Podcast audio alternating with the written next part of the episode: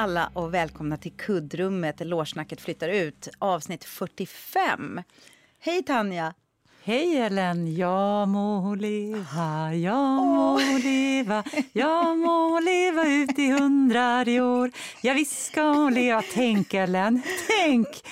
Det här var annorlunda än för ett år sedan. Tänk att det har gått ett år. Vi satt alltså och poddade Oj, Nej, men du har fan, ja, det, det, måste du ju nu, Nej, på grund av att det är din födelsedag. Det kommer bara plinga in gratulationer. Ja. Men alltså, tack. Ett år sedan. Ett år sedan så har vi skrattat så mycket åt att vi mm. satt här. Och både, alltså Robban glömde bort på morgonen och sen glömde du bort. Ja. Och idag så har båda ni varit exemplariska. Alltså, det, alltså, tack snälla. För när jag kom hem till dig idag så fick jag blommor och världens finaste kort med så fina ord så jag blev alldeles överlycklig. Ja. Så tack snälla. Jag tänkte, jag gjorde det medvetet. Jag, tänkte, jag ska inte skicka skicka ett grattis på morgonen här. Hon ska tro att jag återigen sitter här som en idiot.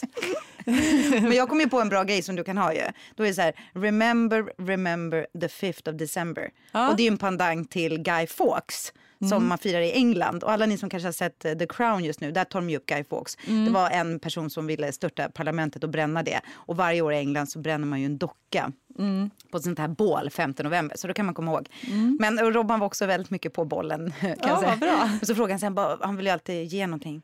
Men jag bara känner så här, nej, jag vill verkligen inte ha någon present för att jag tycker att jag jag vet inte hur du har. Jag tycker att jag gör av med så mycket. Alltså, pengarna bara rinner i december. Jag bara känner att jag kan inte också få en present. Så han hade bara köpt något lite. Men jag, och då ja. menar jag verkligen, när jag säger mm, så, mm. så menar jag verkligen bara för att det blir för mycket. Men jag försökte ju att jag och Paul inte skulle få julklappar. Ja. Att bara barnen skulle få. Mm. Alltså, så det, alltså, det, vi kan få något litet så mm. symboliskt. Nej, jag blev nerröstad. Är De tycker att det var viktigt att vi fick julklappar. Ja. Men jag fattar faktiskt, för det är samma sak med jag kan tycka så här, jag tycker det är så gulligt de kommer in och sjunger. Så här, det är ju jag som har lagt den liksom, kulturen. Och då är det ju också viktigt att barnen får ge tillbaka. Ja, det alltså, är det. är ju faktiskt det. Så ja. Man ska inte alltid vara så här. Och jag menar inte, men det var bara det att häromdagen var jag jag var hemma hos en kompis, Lizzie, som jag tycker så mycket om.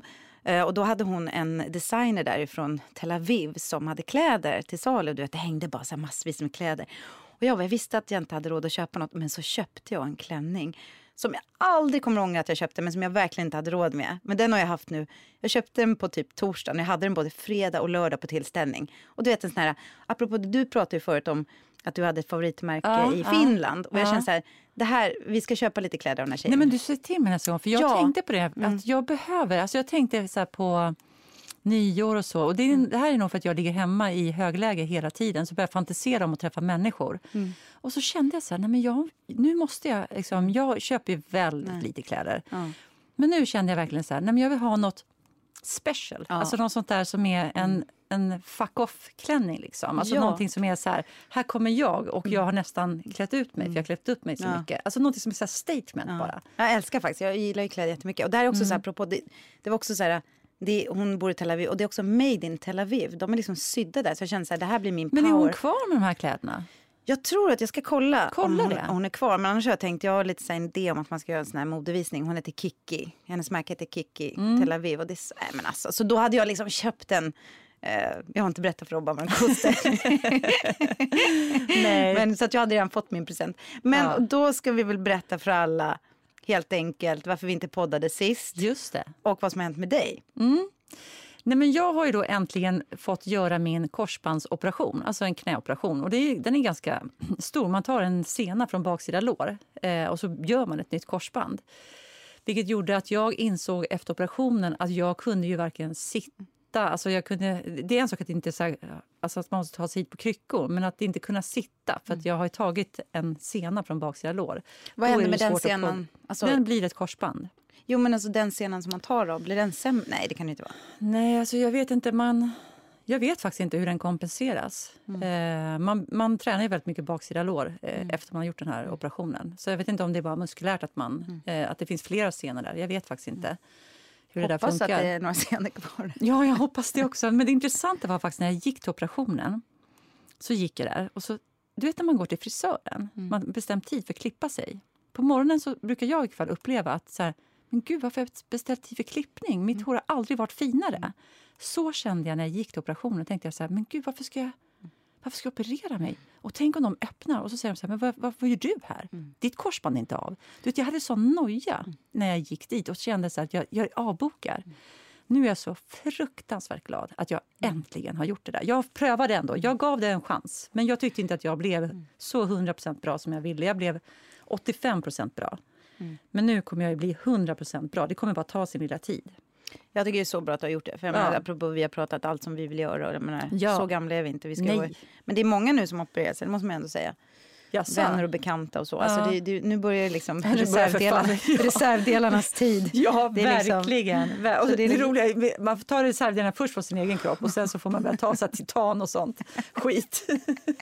peppa peppa, jag faktiskt, eh, alltså jag har inga gamla skador men det är för att jag inte har tränat så mycket tror jag. Alltså jag har Nej. inte skadat mig. Nej. Många, du har ju ändå idrottat på ganska hög nivå, det är då det ofta kommer in. Ja, och framförallt kanske när man har gjort det och sen så är 50 år och tror att man är lika stark. Mm. Det är då är mm. helvetet bra kalas. Ja. Men gud vad skönt att du gjort det. Och nu kan ja. du sitta. Nu kan jag sitta, ja. ett tag i alla fall. Ett tag, men inte mm. för länge. Nej.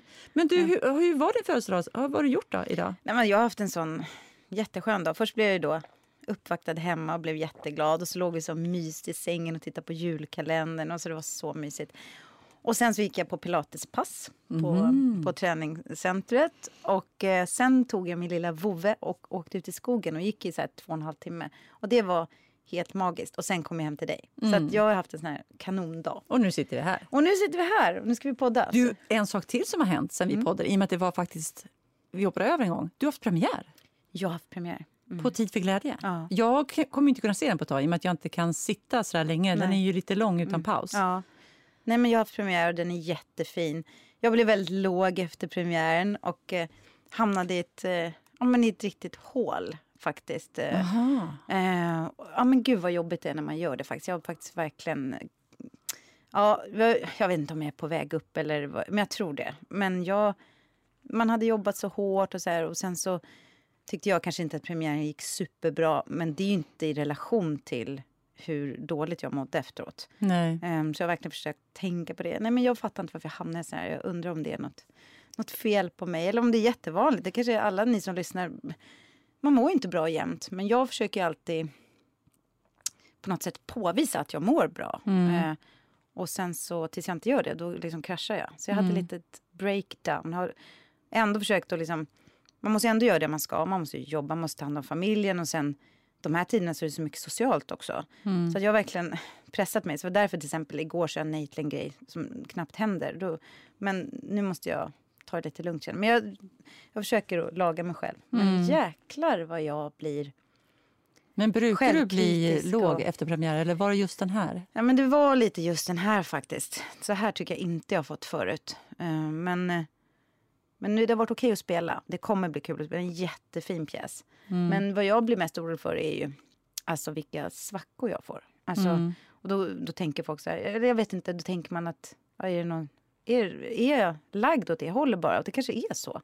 Eller så, jag vet inte. Mm. Men jag blir ju extremt... Eh, jag ifrågasätter allt. Alltså, det finns ingen rim och reson i hur självhatisk jag blir. Mm. Och jag tycker det är ganska jobbigt faktiskt. Mm, det eh, låter jobbigt. Ja, men... Och sen har jag pratat faktiskt med vår fina vän idag. Liksom, jag vet inte heller hur du har det. När man, jag vill inte heller prata med folk när jag mår dåligt. Och det är också en svaghet. Men jag, då vill inte jag jag, jag, du inte belasta någon nej. annan med så låg energi? Ja, eller jag, jag, vet inte. Jag är liksom bara på något sätt uppfostrad med att det där får man hålla för sig själv tills man mår bra igen. Mm. Och då blir jag också väldigt osocial. Så att, då, ja, så då, ja, men jag isolerar mig lite faktiskt när jag inte ja, mår bra. Jag fattar. Men, men eh, jag har inte heller varit på topp. Kan jag säga. Man blir inte på topp av att ligga hemma i fyra veckor nej. och med benet i högläge och bara försöka rehabba tre timmar per dag i tre olika pass och så ligga med kylpåse så jag har inte heller orkat vara social. Man skulle ju kunna bjuda hem någon på en fika, men mm. Eh,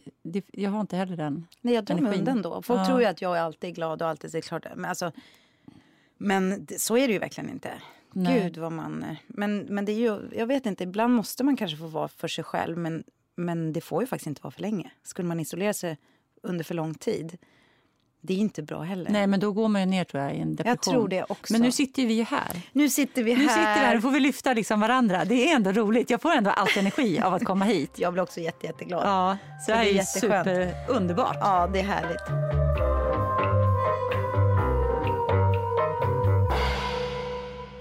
Men du, jag har haft väldigt mycket tid framför tvn.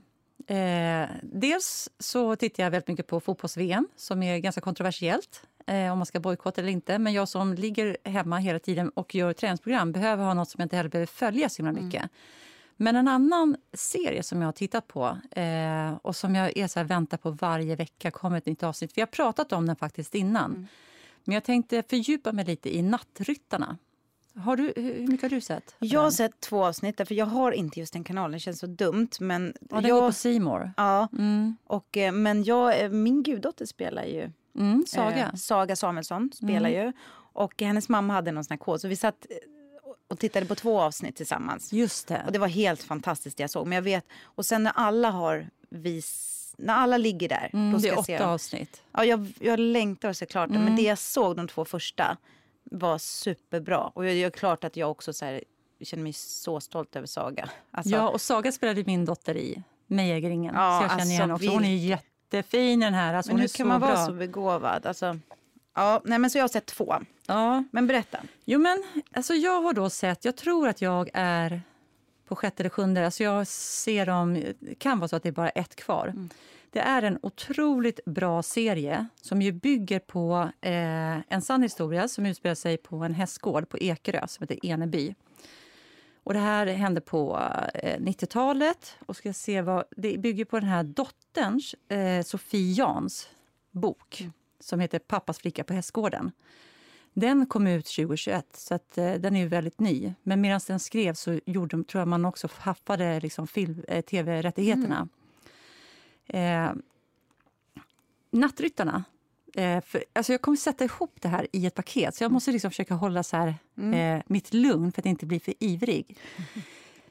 Nattryttarna eh, handlar ju då om hennes uppväxt och den här Jerry Jan eh, och frun Anna Bolin. Heter mannen Jerry Jan i ja, verkligheten? i verkligheten. Ja. Här i, jag kommer inte ihåg vad han heter i serien. Han spelas av Jonas Karlsson här. Ja, skitbra. Ja. Alltså, han gör det så bra. Och hon som spelar, nu kommer jag inte ihåg vad hon heter, men hon är också en jättebra skådespelerska. Hon som gör, alla är jättebra. Mm. Alla skådespelare är jättebra. Hon som gör frun är också helt magiskt castad.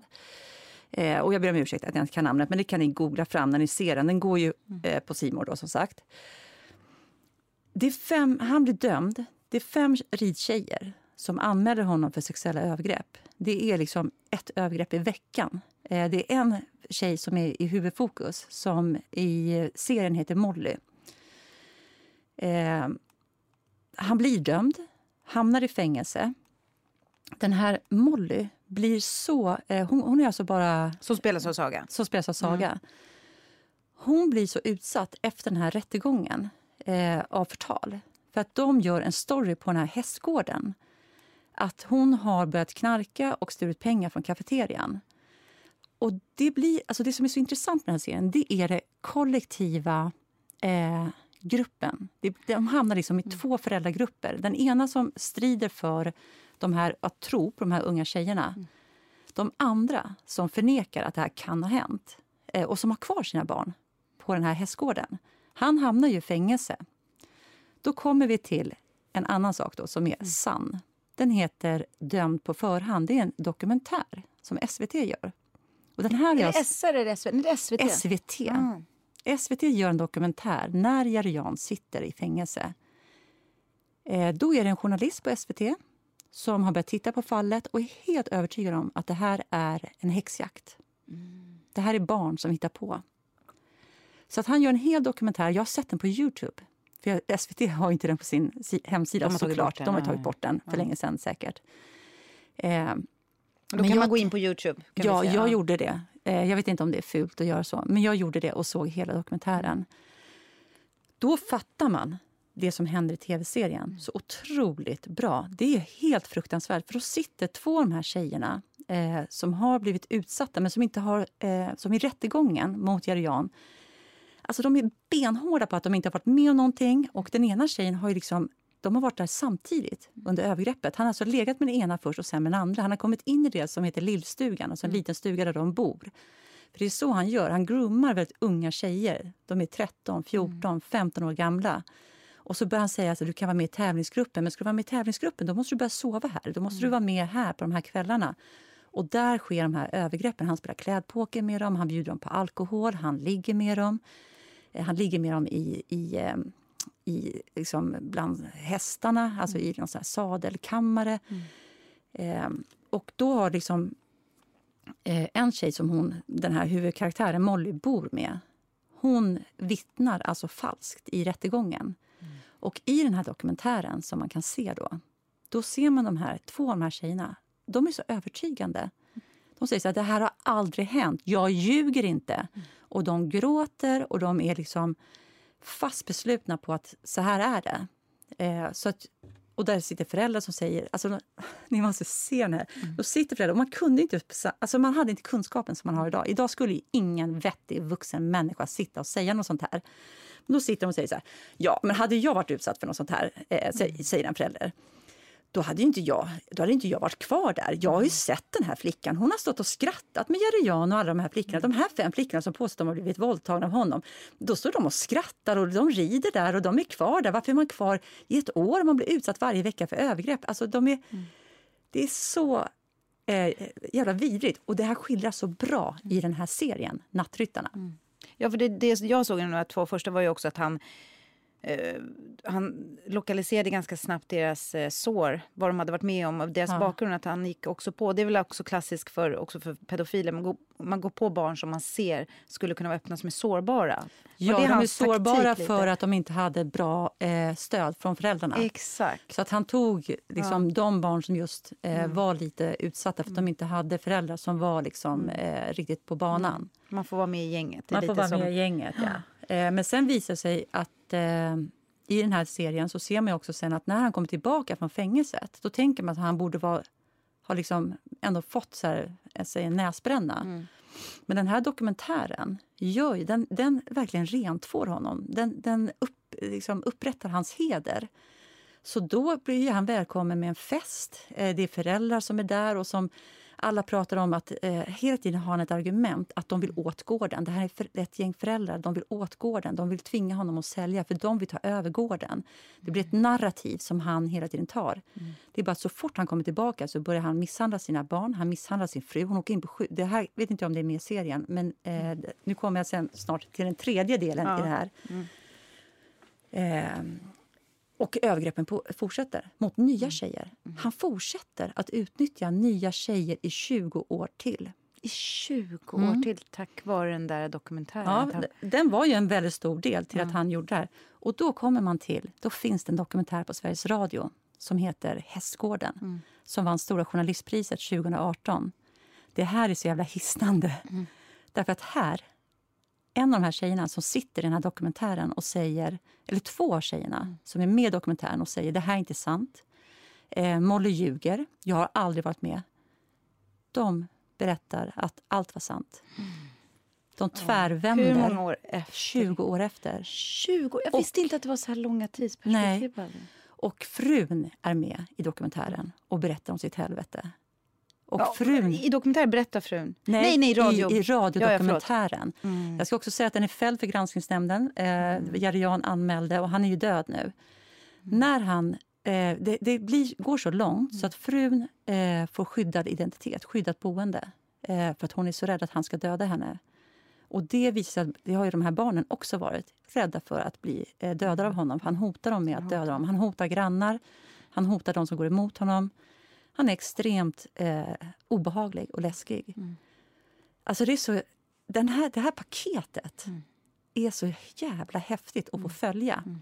Eh, och den här frun träffar den här eh, riktiga personen. Hon som heter Molly i serien heter Lucy i verkligheten. Mm. Hon var så tvungen att lämna landet på gymnasiet. Hon var tvungen att hoppa av gymnasiet.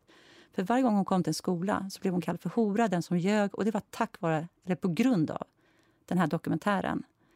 Så hon fick sånt helvete och flyttade till London och bott där 20 år.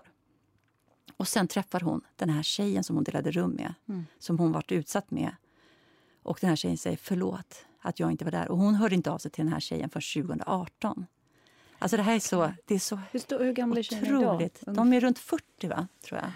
Runt 40. Har hon kunnat komma tillbaka? Hon kanske inte vill tillbaka till Sverige? Hon verkar ha någon butik om man lyssnar på den där, eh, eh, Sveriges Radio-dokumentären. Men, men det är en sån jäkla resa mm. över... Och det här är då, om jag tänker mm. så här, Nattryttarna är det som väckte mitt intresse. Mm. jag hörde den här dokumentären 2018, men jag lyssnade om på den nu för nu får jag ett helt annat perspektiv på vad den där dokumentären verkligen är. Men man undrar ju vad han som gjorde dokumentären, han som är död nu, hur ja, han kom... Det, alltså dokumentär, han som gjorde dokumentären är inte död. Han är med i den här Sveriges Radio-dokumentären. Eh, Jaha, okej. Okay, det att... är ridläraren som är död. Ja, ridläraren är ridläraren död. är död. Ah. Och efter han dog så skrev både frun en bok och dottern skrev en bok. Och Det är dotterns bok som det här bygger på. Så de vågade inte riktigt förrän han var död? Nej, så, så uppfattar jag det i, ah. i tidslinjen. Jag och han som gjorde dokumentären från början, då, vad, vad, vad, tror du han hade för motiv? Hur kom han i kontakt med ridläraren? Ja, men han började titta på fallet och han är med i den här eh, dokumentären på Sveriges Radio den här från 2018 som heter Hästgården. Och det är så himla intressant för att de gör det så himla snyggt. Att de intervjuar honom och han är fortfarande helt övertygad om att han hade rätt. Mm. Tills de säger, eh, jag vill bara tala om att de här två tjejerna som är med i din mm. dokumentär är med i den här dokumentären och har berättat att allt de sa i förhören, allt var sant, allt har hänt. De har träffat den här tjejen. Alltså det är så...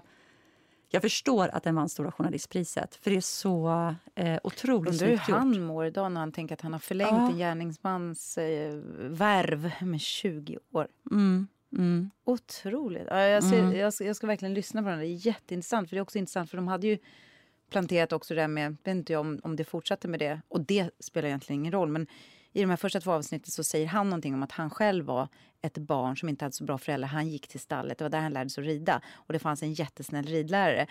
Det kan vara bara i fiktionsbiten där, att de har lagt till mm. att man, jag la någonstans bakom örat att han själv hade varit utsatt för sexuella övergrepp. Men Precis, det, det är bara typ en mening. Ja, men jag, jag reagerade också på den, för det var som en liten plantering. Jag har inte hört den någon annanstans. Nej, och det, eh. och det är egentligen så här, det, det, är klart att det är intressant, men det är inte på något sätt att det, att det tar bort det han har gjort och så. Men just det här hur man kan vara, det är intressant om han är men, sjuk från början. Vad, vad är man? Är man sjuk från början eller är det oftast att man själv varit utsatt för någonting?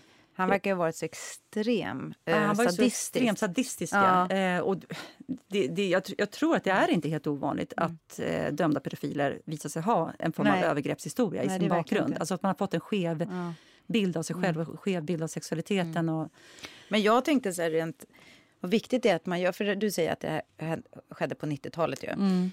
Vilken skillnad det är på den tiden, alltså vi vet så mycket mer nu om psykologi, precis som man säger. Bara för att man säger att det inte har hänt så skulle man kunna se igenom det, eller man skulle kunna förstå bakgrunder. Och då tänkte jag, uh, nu upprepar jag mig själv, eftersom jag bara sett två avsnitt, men jag tänkte redan då att men gud vad viktigt att en, vi hade ju aldrig sett en sån här serie när vi då var 18, Nej. 92 eller någonting. Uh, vad viktigt det är för unga tjejer att se vad man är med om, det där mm. förloppet, hur man groomar dem. Det, det är väldigt bra. Så den är ju både underhållande och välspelad men också viktig för, för, många, för, för oss alla att se mm. vad som skulle hända. För tänk att vara med om något sånt där själv.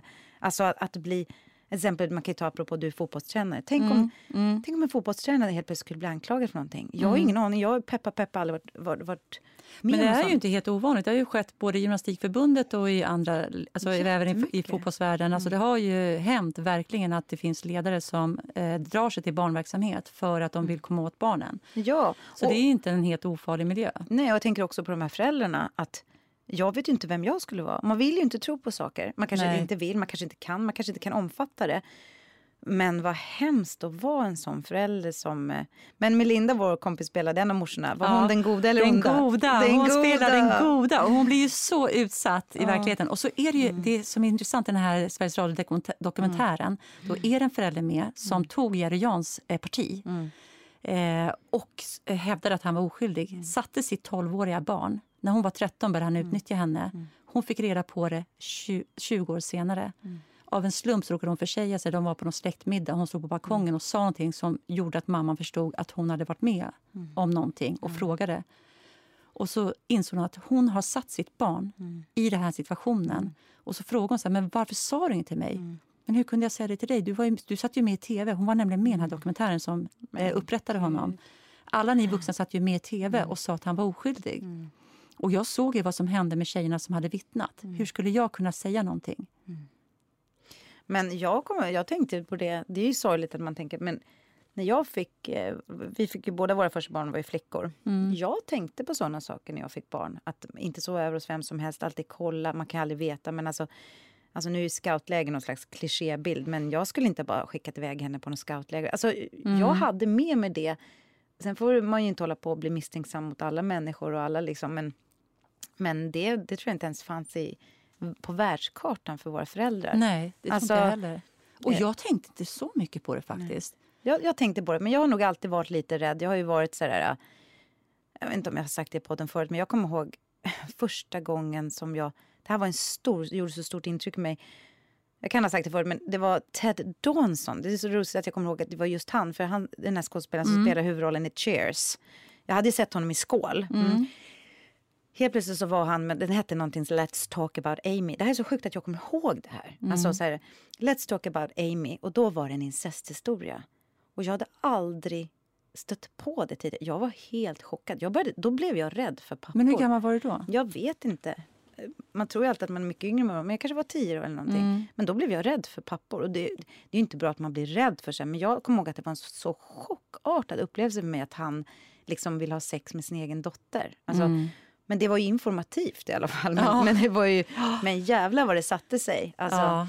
Och det var ju då någonstans man började prata för incest nu, nu är det här övergrepp, inte incest, men just incest har ju förekommit i alla, gud vi pratade om det för inte alls länge sedan, apropå det här med att elen är så dyr och så, och så var det någon som sa ja det var så mysigt förr i världen så sov vi alla i samma rum och jag bara, vet du vad jag tror inte att det var så mysigt, jag, att, att det var, jag tror det var så jävla mycket övergrepp och nu tänker både Södermalm och Gamla stan, folk låg i sina trähögar, mm. det fanns ingen elektricitet, alla, de hade inte, alltså jag tror ja. det var så mycket övergrepp, det har ju funnits i alla, alla, alla tider, men mm. så som jag uppfattar det så började vi prata om det på typ Mm. 80-talet då. Men det, måste kommit några filmer, för det är ja. ungefär då som jag också... Och då var det incest. Incest var det. Eh, mm. och sen var det blottare man pratade om. Mm.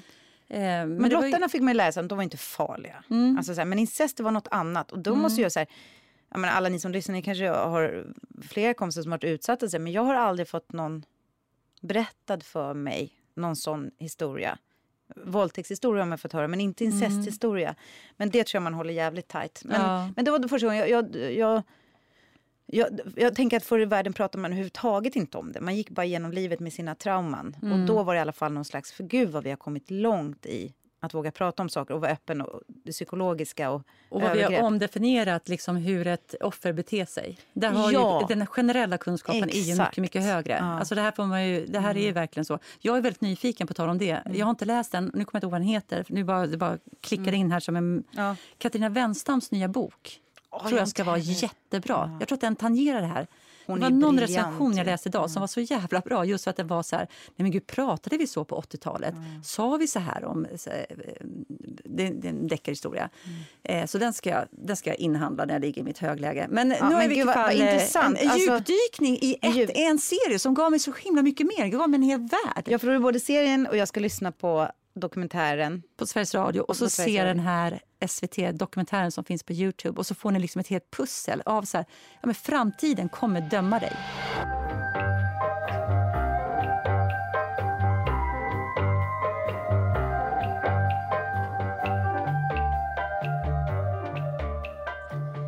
Ja, men nu har vi en annan sak. Vi, vi läste en recension här i helgen som vi studsade lite på. Mm. Och nu går väl vi in på avdelning sticka ut hakan på ett sätt. Men mm. vi har liksom ingen val riktigt utan um, vi har ju pratat tidigare om att gå eh, och, och, prata om eller diskutera vad kritiker skriver. Men mm. det här, eftersom det här inte gällde verket Nej. Uh, så, så läs vad det stod i recensionen. Ja, men det är en recension på, av jakten som Erik Stuba satt upp på Kulturhuset Stockholms stadsteater. Och det stycket det är eh, Ulrika, Kärn, ska se, Ulrika Kärnborg, så att jag säger rätt namn, som har skrivit den här. Det, alltså hon är en väldigt klok person. Jag har träffat henne. Hon är jättetrevlig. Mm. Det, det, här är inte, har inte med henne att göra egentligen. Det här har att göra med att hon är en del av ett narrativ. Mm. Hon upprepar ett narrativ. Så i den här recensionen nu skiter vi själva pjäsen. Mm. Det är inte mm. den vi ska prata om, Nej. om den är bra eller dålig. Eh, det är fantastiska skådespelare med. Det är eh, ett narrativ vi ska mm. prata om. Då skriver hon i den här recensionen av föreställningen så skriver hon så här. Jag tänker på att det nu är tre år sedan Erik Stube fick avgå som chef för Dramaten.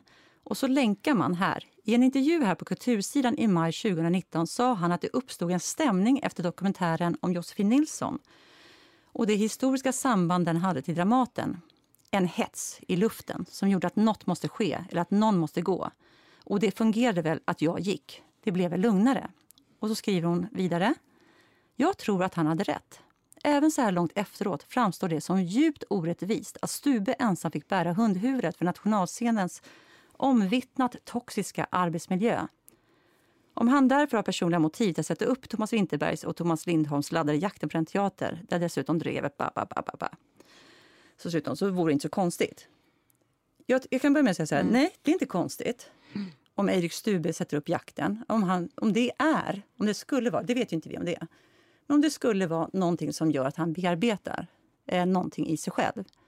Det är inte heller det som Nej, jag reagerar på. Han har all rätt i världen att göra jakten eller göra vad, ja, vad som helst. Mm. Vad hon gör, hon upprepar någonting som Gunilla Brodrej mm. har gjort eh, i en intervju strax efter att Erik fick sluta, en månad efter. Ja, och men, och som liksom Brodrej egentligen... faktiskt har varit ute och svingat med ganska många gånger. Så många Eller hur? Det är väl också gånger. därför vi tar ja. upp det här nu, för vi känner så här, det här är inte första gången och vi kanske vill säga någonting om det. Ja. Gunilla Brodrej har i eh, tv-intervjuer under, när det stormade som värst på Dramaten eh, i intervjuer med både Eirik, i krönikor och i recensioner. Och eh, i podd. Och i podd, återkommande. Många format hon har drivit, tillgång till. Ja, hon har drivit denna mm. tes och varit väldigt aktiv i att, att uh, sätta ett narrativ mm. som är falskt som är lögn. Det vill säga att hon kopplar hela tiden med att han fick sluta på grund av Josefin Nilsson-dokumentären. Mm. Vad stödjer hon det på? Hon var inte där. Hon satt inte i Dramatens styrelse. Hon var inte på våra möten. Hon jobbar inte på vår arbetsplats. Vad ger henne för rätt att se, påstå en lögn som hon upprepar gång på gång tills andra medarbetare på Expressen upprepar samma jävla skitlögn igen? Då, finns det, då blir man till slut så här, jag blir så jävla förbannad. Mm. Och så känner man så här, men det här är min plikt. Jag måste säga så här, stopp, här går gränsen. Eh, det är det som liksom jag reagerar på. Mm. Ska vi titta på artikeln som hon som är länkad till? Ja. Då är det så här, bara hennes frågor är helt koko. Eh, hon, hennes frågor har... Det finns ingenting överhuvudtaget som är öppna frågor. Utan Hon driver ju tesen om och om igen att det är ett gäng bittra skådespelare som går runt i korridoren och inte fått de roller de vill ha. Mm. Att det är de som driver det här. Och vet du vad hon gör? gör att hon positionerar sig anti-Åsa Linderborg. Mm. Förstår du vad jag menar? Mm. Alltså att ja, Åsa Linderborg men, är, mm. är ju anklagad för att ha drivit Benny Fredriksson i döden genom mm. sitt drev mm. eller sina artiklar i Aftonbladet. Och här tänker, tror jag, Gunilla Broders, jag ska minsann inte falla i den fällan. Jag ska hålla mannen här bakom rygg, eller mm. backa hans rygg. Så hon ställer frågor så här, om att det, alltså, hela den här intervjun med honom som ni länkar till den här recensionen går ut på att han fick sparken på grund av Josefin Nilsson-dokumentären. Mm. Och hon ställde frågorna så, så att han bara vill säga ah, ah, du tänker så. Mm. Ja, jo, men det kanske var så. Mm. Det kanske var så. Ja, och jag tänker också, precis som du säger, det måste ju tyvärr vara kopplat till det tragiska som hände på Stadsteatern. Mm. Men där vill väl vi också så här, vi, vi upplever väl nu, jag menar, tystnadtagning och metoo har ju varit jag kan inte tala för andra branscher, men för vår bransch och för vår arbetsplats gjort en enorm skillnad. Alltså jag, jag menar, Dramaten har både förändrats och förbättrats. Därmed inte sagt precis som feminismen, det finns alltid saker att göra. Men nu när du, som det ordet du använder, som faktiskt, ja det kopplar ihop till det vi pratade innan. Eh, man vill göra om narrativet och det är det jag har varit så upprörd över också till exempel med med Nobelpriset. Jag har varit så irriterad på att de delade ut två Nobelpris det året mm. istället för ett. Därför att när du googlar sen och kollar, när mina barnbarn ska kolla, vad, det här har jag kanske också sagt, vad ska kolla, vad hände det där året? Nej, det är inget hål, det är ingenting som har hänt och det gör att man inte forskar vidare. Mm. Och det är därför jag också känner att det är viktigt att säga eh, att jag förstår tanken med att försvara någon, ingen vill utsätta någon för någonting. Men det där är ju faktiskt bara inte sant. Och det, det, det, den berättelsen måste också få komma fram. Och nu kommer den från oss. Det finns en mängd olika... Eh, det är inget personligt mot vår före detta chef. Men det var inte Nej, bara den det- andra. det Nej, det är faktiskt inte, det. inte mot Nej, det Han har säkert inte heller. ens bett om det här. Nej. Alltså, jag menar? Det är inte han som har bett. Nej. utan Det är Gunilla Broider som driver det här. Hon har gjort det så länge. Hon har ju skrivit saker som nu ska det inte finnas några män kvar typ på teatern. Alltså såna här grejer, så här dumheter. Hon skrev en, en krönika innan Eirik fick sluta. I den krönikan så eh, raljerar hon också kring, eller skriver nedvärderande om Jenny Andreasson. Ja. Eh, för att hon har gått ut i en artikel i DN och dis- diskuterat att hon eh, blev sjukskriven när det egentligen var liksom en... Vi har ju haft Jenny Andreasson här. Eh, ni kan lyssna på det poddavsnittet. Eh, det, det eh, haveriet, måste man väl säga, där Hamlet lades ner eh, i samma vecka som premiären. Hon skriver på ett sätt där eh, som är ganska nedvärderande. Och det som är så extremt obehagligt sen, och det är det här jag bara känner så här, det här måste ändå folk fatta eller veta. Vem skickar Expressen till att recensera Jenny Andreassons föreställning eh, några år senare? Vakten vid Ren. Vakten vid Ren. Jo, Det de skickar Gunilla. Brodrej. Och hon skriver en sån fruktansvärt elak eh, recension. Och det är inte rent. Nej. Och det kommer jag ihåg att jag tänkte redan då att det här är politik. Om folk visste, det här är inte en recension av den här pjäsen. Nej. Det här är en sågning av en person som hon tycker har gjort någonting mot en teaterchef. Och det är också det. Det är klart att man inte alltid, det finns ju politik bakom allt, men den var så tydlig så att det nästan blev så här, äh, vad var det? Hon, hon skrev väldigt otroligt elaka saker i den. Det kändes jättepersonligt. Eh, och det tycker jag man ska vara för god för när man ska recensera saker. Det är väl det jag ja, kan tycka. man måste för fasen vara professionell. Ja. Men, och då kan man säga så här, jag tror att eh, den recensionen eh, var ju det bästa, alltså rubriken är det bästa med den här pjäsen är draperierna. Mm. Och sen, sen hyllar hon ändå så scenrummet som är fint. Mm. Eh, skådespelarna oavsett om de är amatörer eller proffs. Texten, det är inget fel på den heller, utan det är regin. Det är Mm. Jenny Andreasson som får sig en sån jävla smäll eh, av, eh, vad säger man, Smä, vad säger man? smäll av sleven. Mm. Ja, Säger man det? Ingen aning. Nej, det, jag tror inte det är rätt uttryck. Men, men det, det bara säger så. Och sen kommer då nästa. Mm. Nu, nu Gunilla Brodrej, du får dina fiskar varma, men du har förtjänat det. Sticker du ut hakan får du en smäll. Var inte Ja. det Maria Göransson sa till dig? Det sa hon till mig. Och vi Här kommer kommer säkert också smällen. få smälla nu. Men nu får du, en smäll Gunilla. Ja, nu, nu är det din tur. Nej, men då går hon och recenserar också Norma, Ja. som Erik Stube har gjort på Folkteatern. Mm.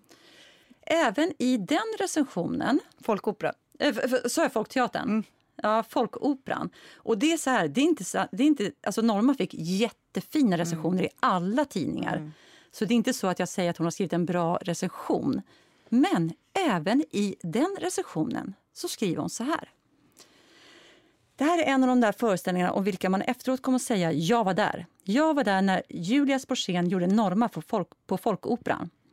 Det var 2022, precis efter det där ödesdigra valet. Det var Erik Stube som regisserade. regisserade.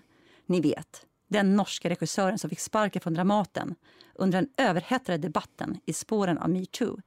Hon återkommer alltså till detta i recensioner. Det här blir inte rent. Nej. Nej, ja, Det här är inte snyggt. Nej, det, här är inte liksom. Expressen borde skämmas, Ja. tycker jag. Expressen har drivit den här linjen väldigt länge med henne i spetsen. Mm. Och det vi säger nu är att det är inte en korrekt beskrivning av det. Eh, det var en mängd olika saker och jag tycker att det fördummar eh, oss på Dramaten, eh, skådespelarna och all övrig personal. Det var så mycket saker som har hänt som leder fram till en sån sak. Det är Eh, klart det. Ja, att vi sparkade honom på grund av metoo.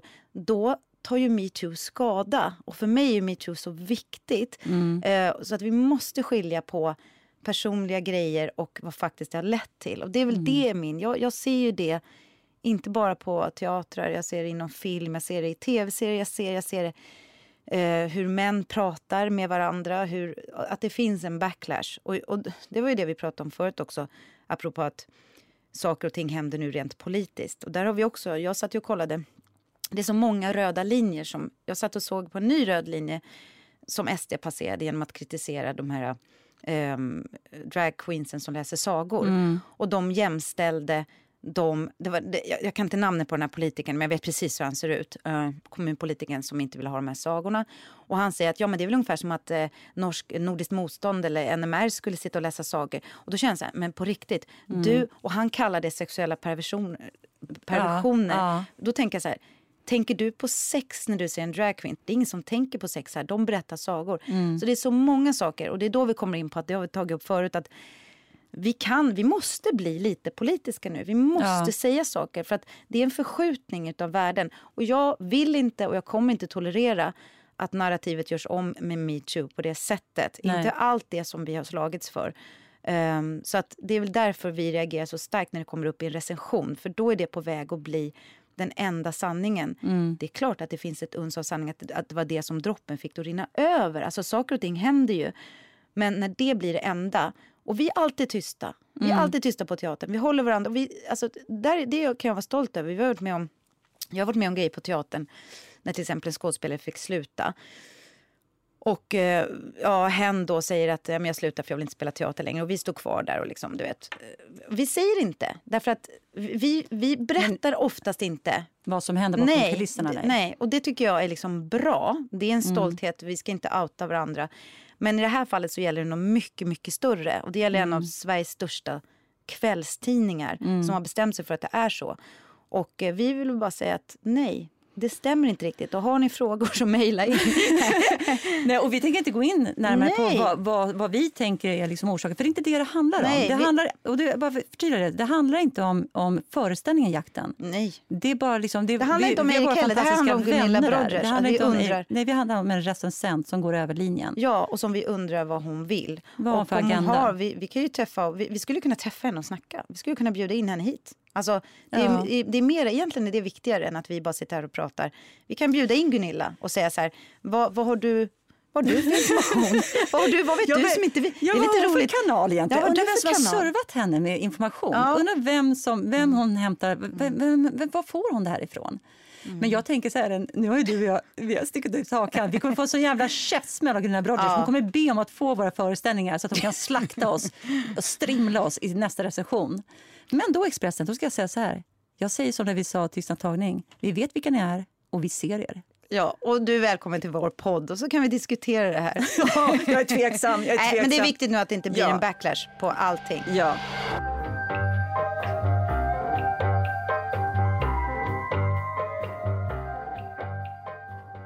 Tanja, vad är det här då?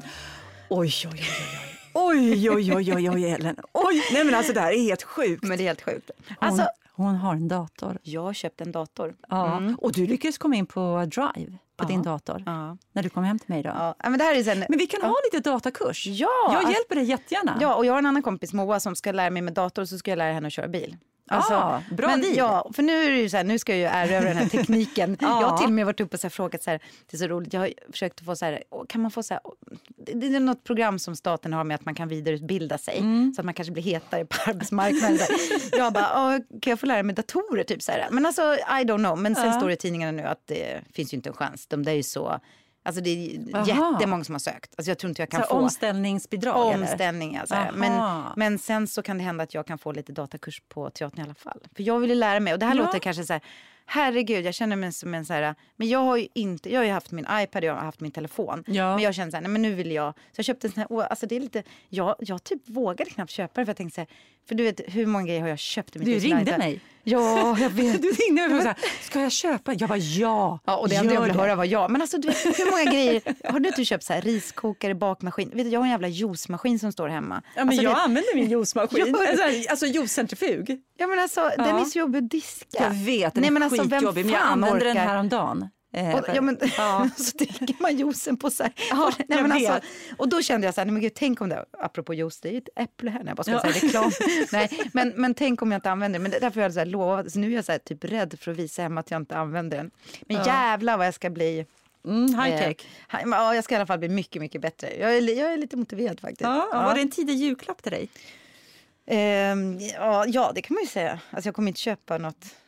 Jag vill inte ha några julklappar. Liksom. Gillar du julen? På, jul, på julafton då är vi jättemånga. För då mm. kommer min familj från Schweiz. Och så här. Och då är vi, vi kanske är 14 pers mm. på julafton. Eller, eller 25 blir det. Och då, då har vi bara så här 200 kronors julklappar. Ah, ja. För då har jag satsat på att hyra hus och köpa mat. Och alltså så här, då. Har du hyrt ett hus? Ja. Var då?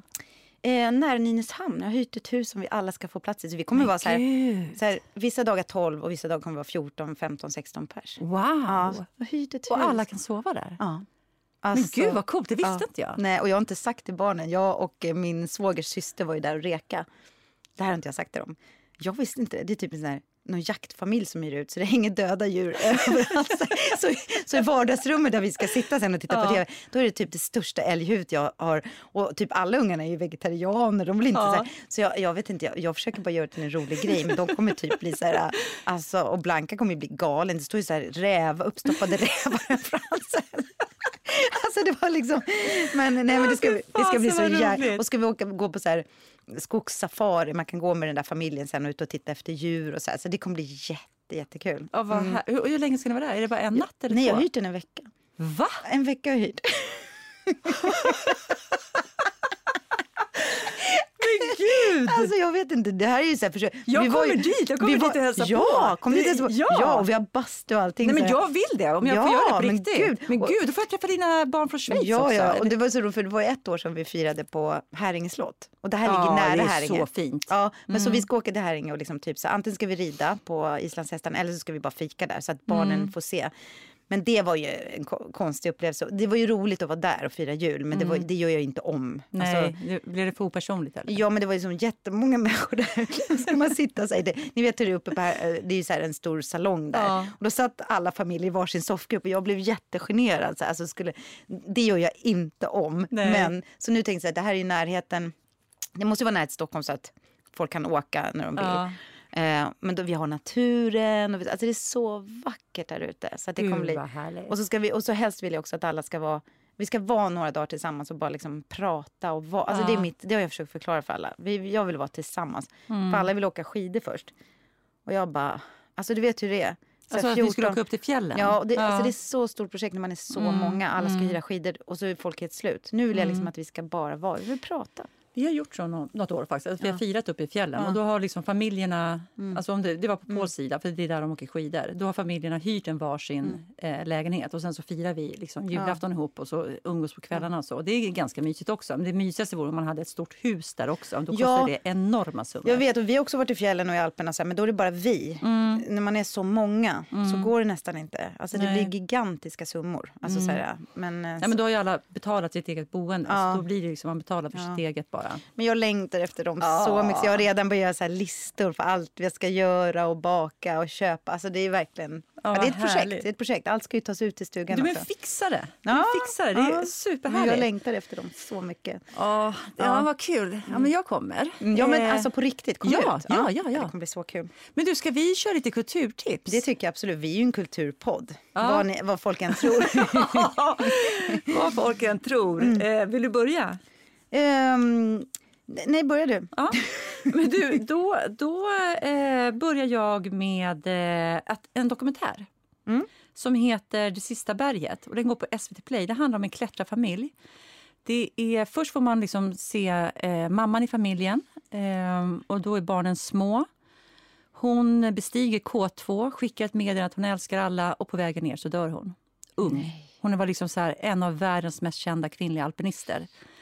Sen följer man, får man följa den här familjen och sen så går sonen i hennes fotspår. Och man följer pappan och Vad är det för nationalitet också. på familjen? Eh, de är från England tror jag. Engelsmän, vad ska de på K2 ja, göra? Ja, ja. men de var liksom, mm. alltså det, mm. det som var fascinerande med den... Eh, och jag kan säga, den är väldigt sorglig. Den slutar väldigt sorgligt och samtidigt så är den väldigt ljus och vacker. Det är intressant att se den här familjens eh, hur självklara de är att de här uppoffringarna är... De blir liksom inte förbannade för att folk dör där på bergen. Mm.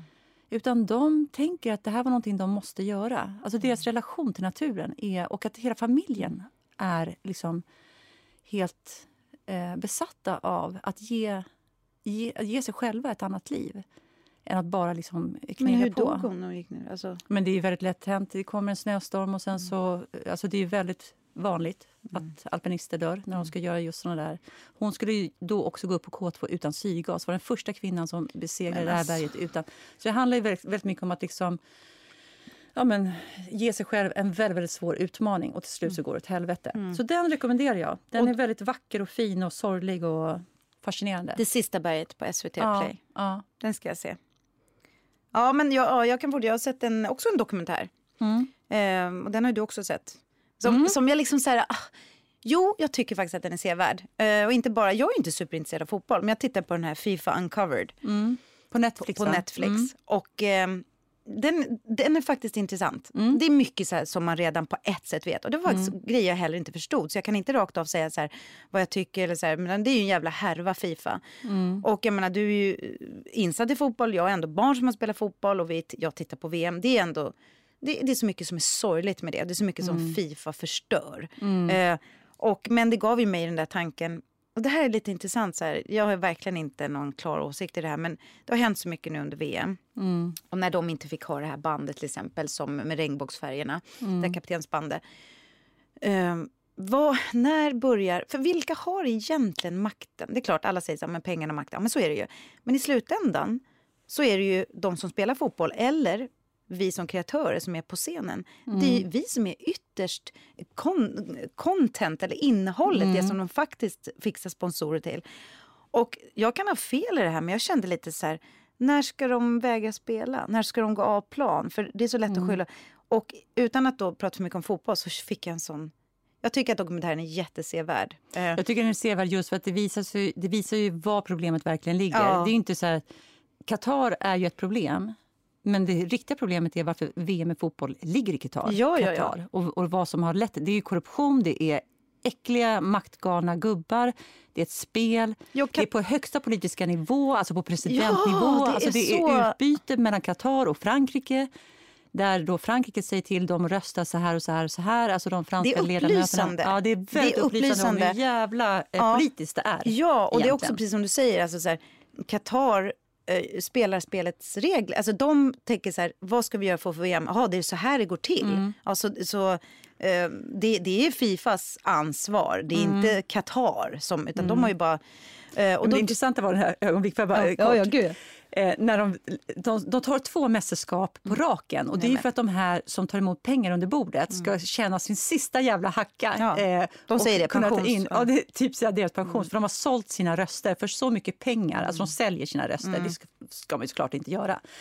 Eh, och då öppnar de upp och då är det Ryssland och Qatar nej, som alltså. får de här två kommande fotbolls Två riktigt problematiska stater. Ja, ja och sen också, nej men se den faktiskt. För det, sen den där svenska mannen, vad heter ja, han nu? Lennart Johansson. Lennart Johansson gick upp som och försökte bli president av Fifa. Ja jag kan inte säga rakt av att, ja, men man får ju känslan av att hade han fått det. Han, jag tror, nu kan jag ha fel återigen därför att jag vet ingenting om honom egentligen, han kanske är en jävla knöl. Men han, det kändes som att han hade försökt att spela ett fair game mm. och det går inte. Du kan och han inte. trodde ju, han trodde ju att de, alltså, att han, hade ju kollat han hade ju sagt vad ja. hans mission var, vad mm. han gjorde sitt presidentskapsval mm. inom Fifa var att han var emot korruptionen, att han var för liksom, ja. fair play även på den nivån. Mm. Mm. Eh, men jag tycker det är svårt det där med... Jag fattar, det har ju varit ganska mycket just kring eh, Iran. Iranlaget, så här, vilka mm. spelar de för? Är det för staten eller är det för folket? Mm. Och Det har varit en ganska hård press på dem att liksom göra någonting. Mm. Men jag tycker det är tufft när deras familjer är där hemma, när det är deras liv mm. kanske som står på spel, eller mm. deras barns liv, eller deras fruars liv, eller deras föräldrars liv. Alltså jag tycker, och det är där någonstans för länge sedan ja. så sa man så här, nej men vi ska inte blanda ihop politik och idrott. Och det var för att idrottarna skulle kunna vara mm. just så här, mm. bara utöva sin idrott. Mm. Men det är tyvärr det är för sent. Nej, men det, det har varit för sent för länge ja. sedan. Även inom friidrott ja. eller vilka mm. sporter som helst så mm. är det politik på högsta ja. nivå. Men det gav mig en tankeställ i alla fall. Eh, att okej, okay, vi säger nu att någon skulle komma och säga på en teaterscen här i Stockholm att nej, vet ni vad, vi ska inte ha några homosexuella och vi ska inte ha några mm. svarta på scen. Ja, men vet du vad, då kliver vi av. Ja, det har du ju vi, rätt i. Ja, och det var det, det som jag, av. Då, ja, jag då gör man det på en gång. Ja. Jag tänker inte så här, nej men vet du vad? Jag kör den här, det så, nu har jag så jävla bra roll. Jag, jag kör en pjäs till. Nej, nej, nej. nej. Och det här vi pratat om förut. Men mm, när, vi, när kliver du? Ja, man kliver när, av på en gång. Ja. Första gången de säger så här, nej. Och det har ju också varit så mycket nu med Apropå det jag pratade om förut, en SD-politiker som tycker så här, snart kan det ju vara så att det liksom bara har grönt hår så mm. är du mm. avvikande. Och det mm. måste vi motarbeta så mm. jävla hårt. Mm. Så att kliva av, så den kan jag rekommendera att säga. Men jag måste hinna till Maxim också nu i veckan. Fattar inte, jag spelar ju så mycket så själv. Enkel Nej men jag måste se den. Ja, men jag alltså, älskade den. Har du sett ja, den? Ja, jag såg ett genrep av den. Nej men gud! Grejen var så att jag hade gjort det precis oh. innan vi hade Sofia Artin som gäst. Och det var därför jag, jag ja. hade den som mitt kulturtips, men vi kom inte riktigt till det. Jag såg ett genrep och jag var helt såld. Men alltså, det är så det. jävla bra spel. Alltså, De fyra de är så trygga med varandra. Det är mm. skitbra regi av Eva Dahlman. Eh, Livia är ju bara helt ja. outstanding. Och eh, Ingela Olsson är svinbra. Och även Stefan Larsson och Micke Persbrandt. Mm. De är en kvartett. Det är jag... sjukt roligt och också eh, ganska snabbt går det så ja. från skratt till någonting extremt obehagligt. Ja. Men det är så välspelat. Jag vet, och det är samma sak här. Nu pratar vi om något som tyvärr... Men den kommer ju gå på turné sen och jag hoppas att den får ett långt liv. Men jag men själva Maxine ska ju eh, liksom bli Hillsong, mm. eh, kyrkans... Jag var med i en dokumentär där som Bobo Eriksson gjorde om, eh, eh om Maximteatern. Ja, som har legat ute nu. Och det kommer även komma, det kan jag berätta, kanske, ja jag vet att vi ska göra någon någon slags manifestation den 12 december mm. eh, för, för just fria grupper och så, mm. eh, som han också initierar. Nej, men jag vill se den på Maxim, jag fattar bara inte. Jag tror att jag har typ en kväll på mig som jag inte spelar själv. Mm. Och jag, eftersom jag har haft premiär, bla bla bla, och eh, det finns ju inga platser. Men Nej. jag kommer typ så här, jag vet inte, få knö mig in. Ja, alltså. men du får... Nej, men den måste vi se. Vilka jävla skådespelare som ja, jag har, alla säger det. De är ja, men skitbra, herregud, jättebra. Ja, men vad vi har babblat på alltså. Ja, men verkligen. Men vi är tillbaka. Du är ja. uppred, du kommer bli en ny människa. Jag kommer bli så satans stark alltså. Så satans Satan i helvete stark. stark med all min rehabilitering. Ja. Och jag ska upp i mitt lilla hål fast jag känner mig ja. redan bättre. Och så fyller jag i år. Ja, bara en sån grej. Ett år kvar till 50. Mm, ett år kvar till 50. Så att, eh, nu blir det nya mål och jag mm. köpt en dator. Nej men fan vi är på gång. Vi Hoppas på gång. att ni mår bra där ute också. Och eh, inte stressar ihjäl er i december. Nej. Det är det som är utmaningen. Ja exakt. Men du. Eh, vad fint det var att se dig idag. Ja, underbart att se dig. Mm. Och ja. eh, tack alla ni som lyssnar för att ni gör det. Och eh, tack till Ljudbang för att vi får sitta här. Och tack Matte Bye för din fina musik. Och tack Theresia Billberg, vår stjärna som klipper så bra. Ha det jättebra tills vi ses igen. Det tycker jag. jag säga. Hej då! Hej då!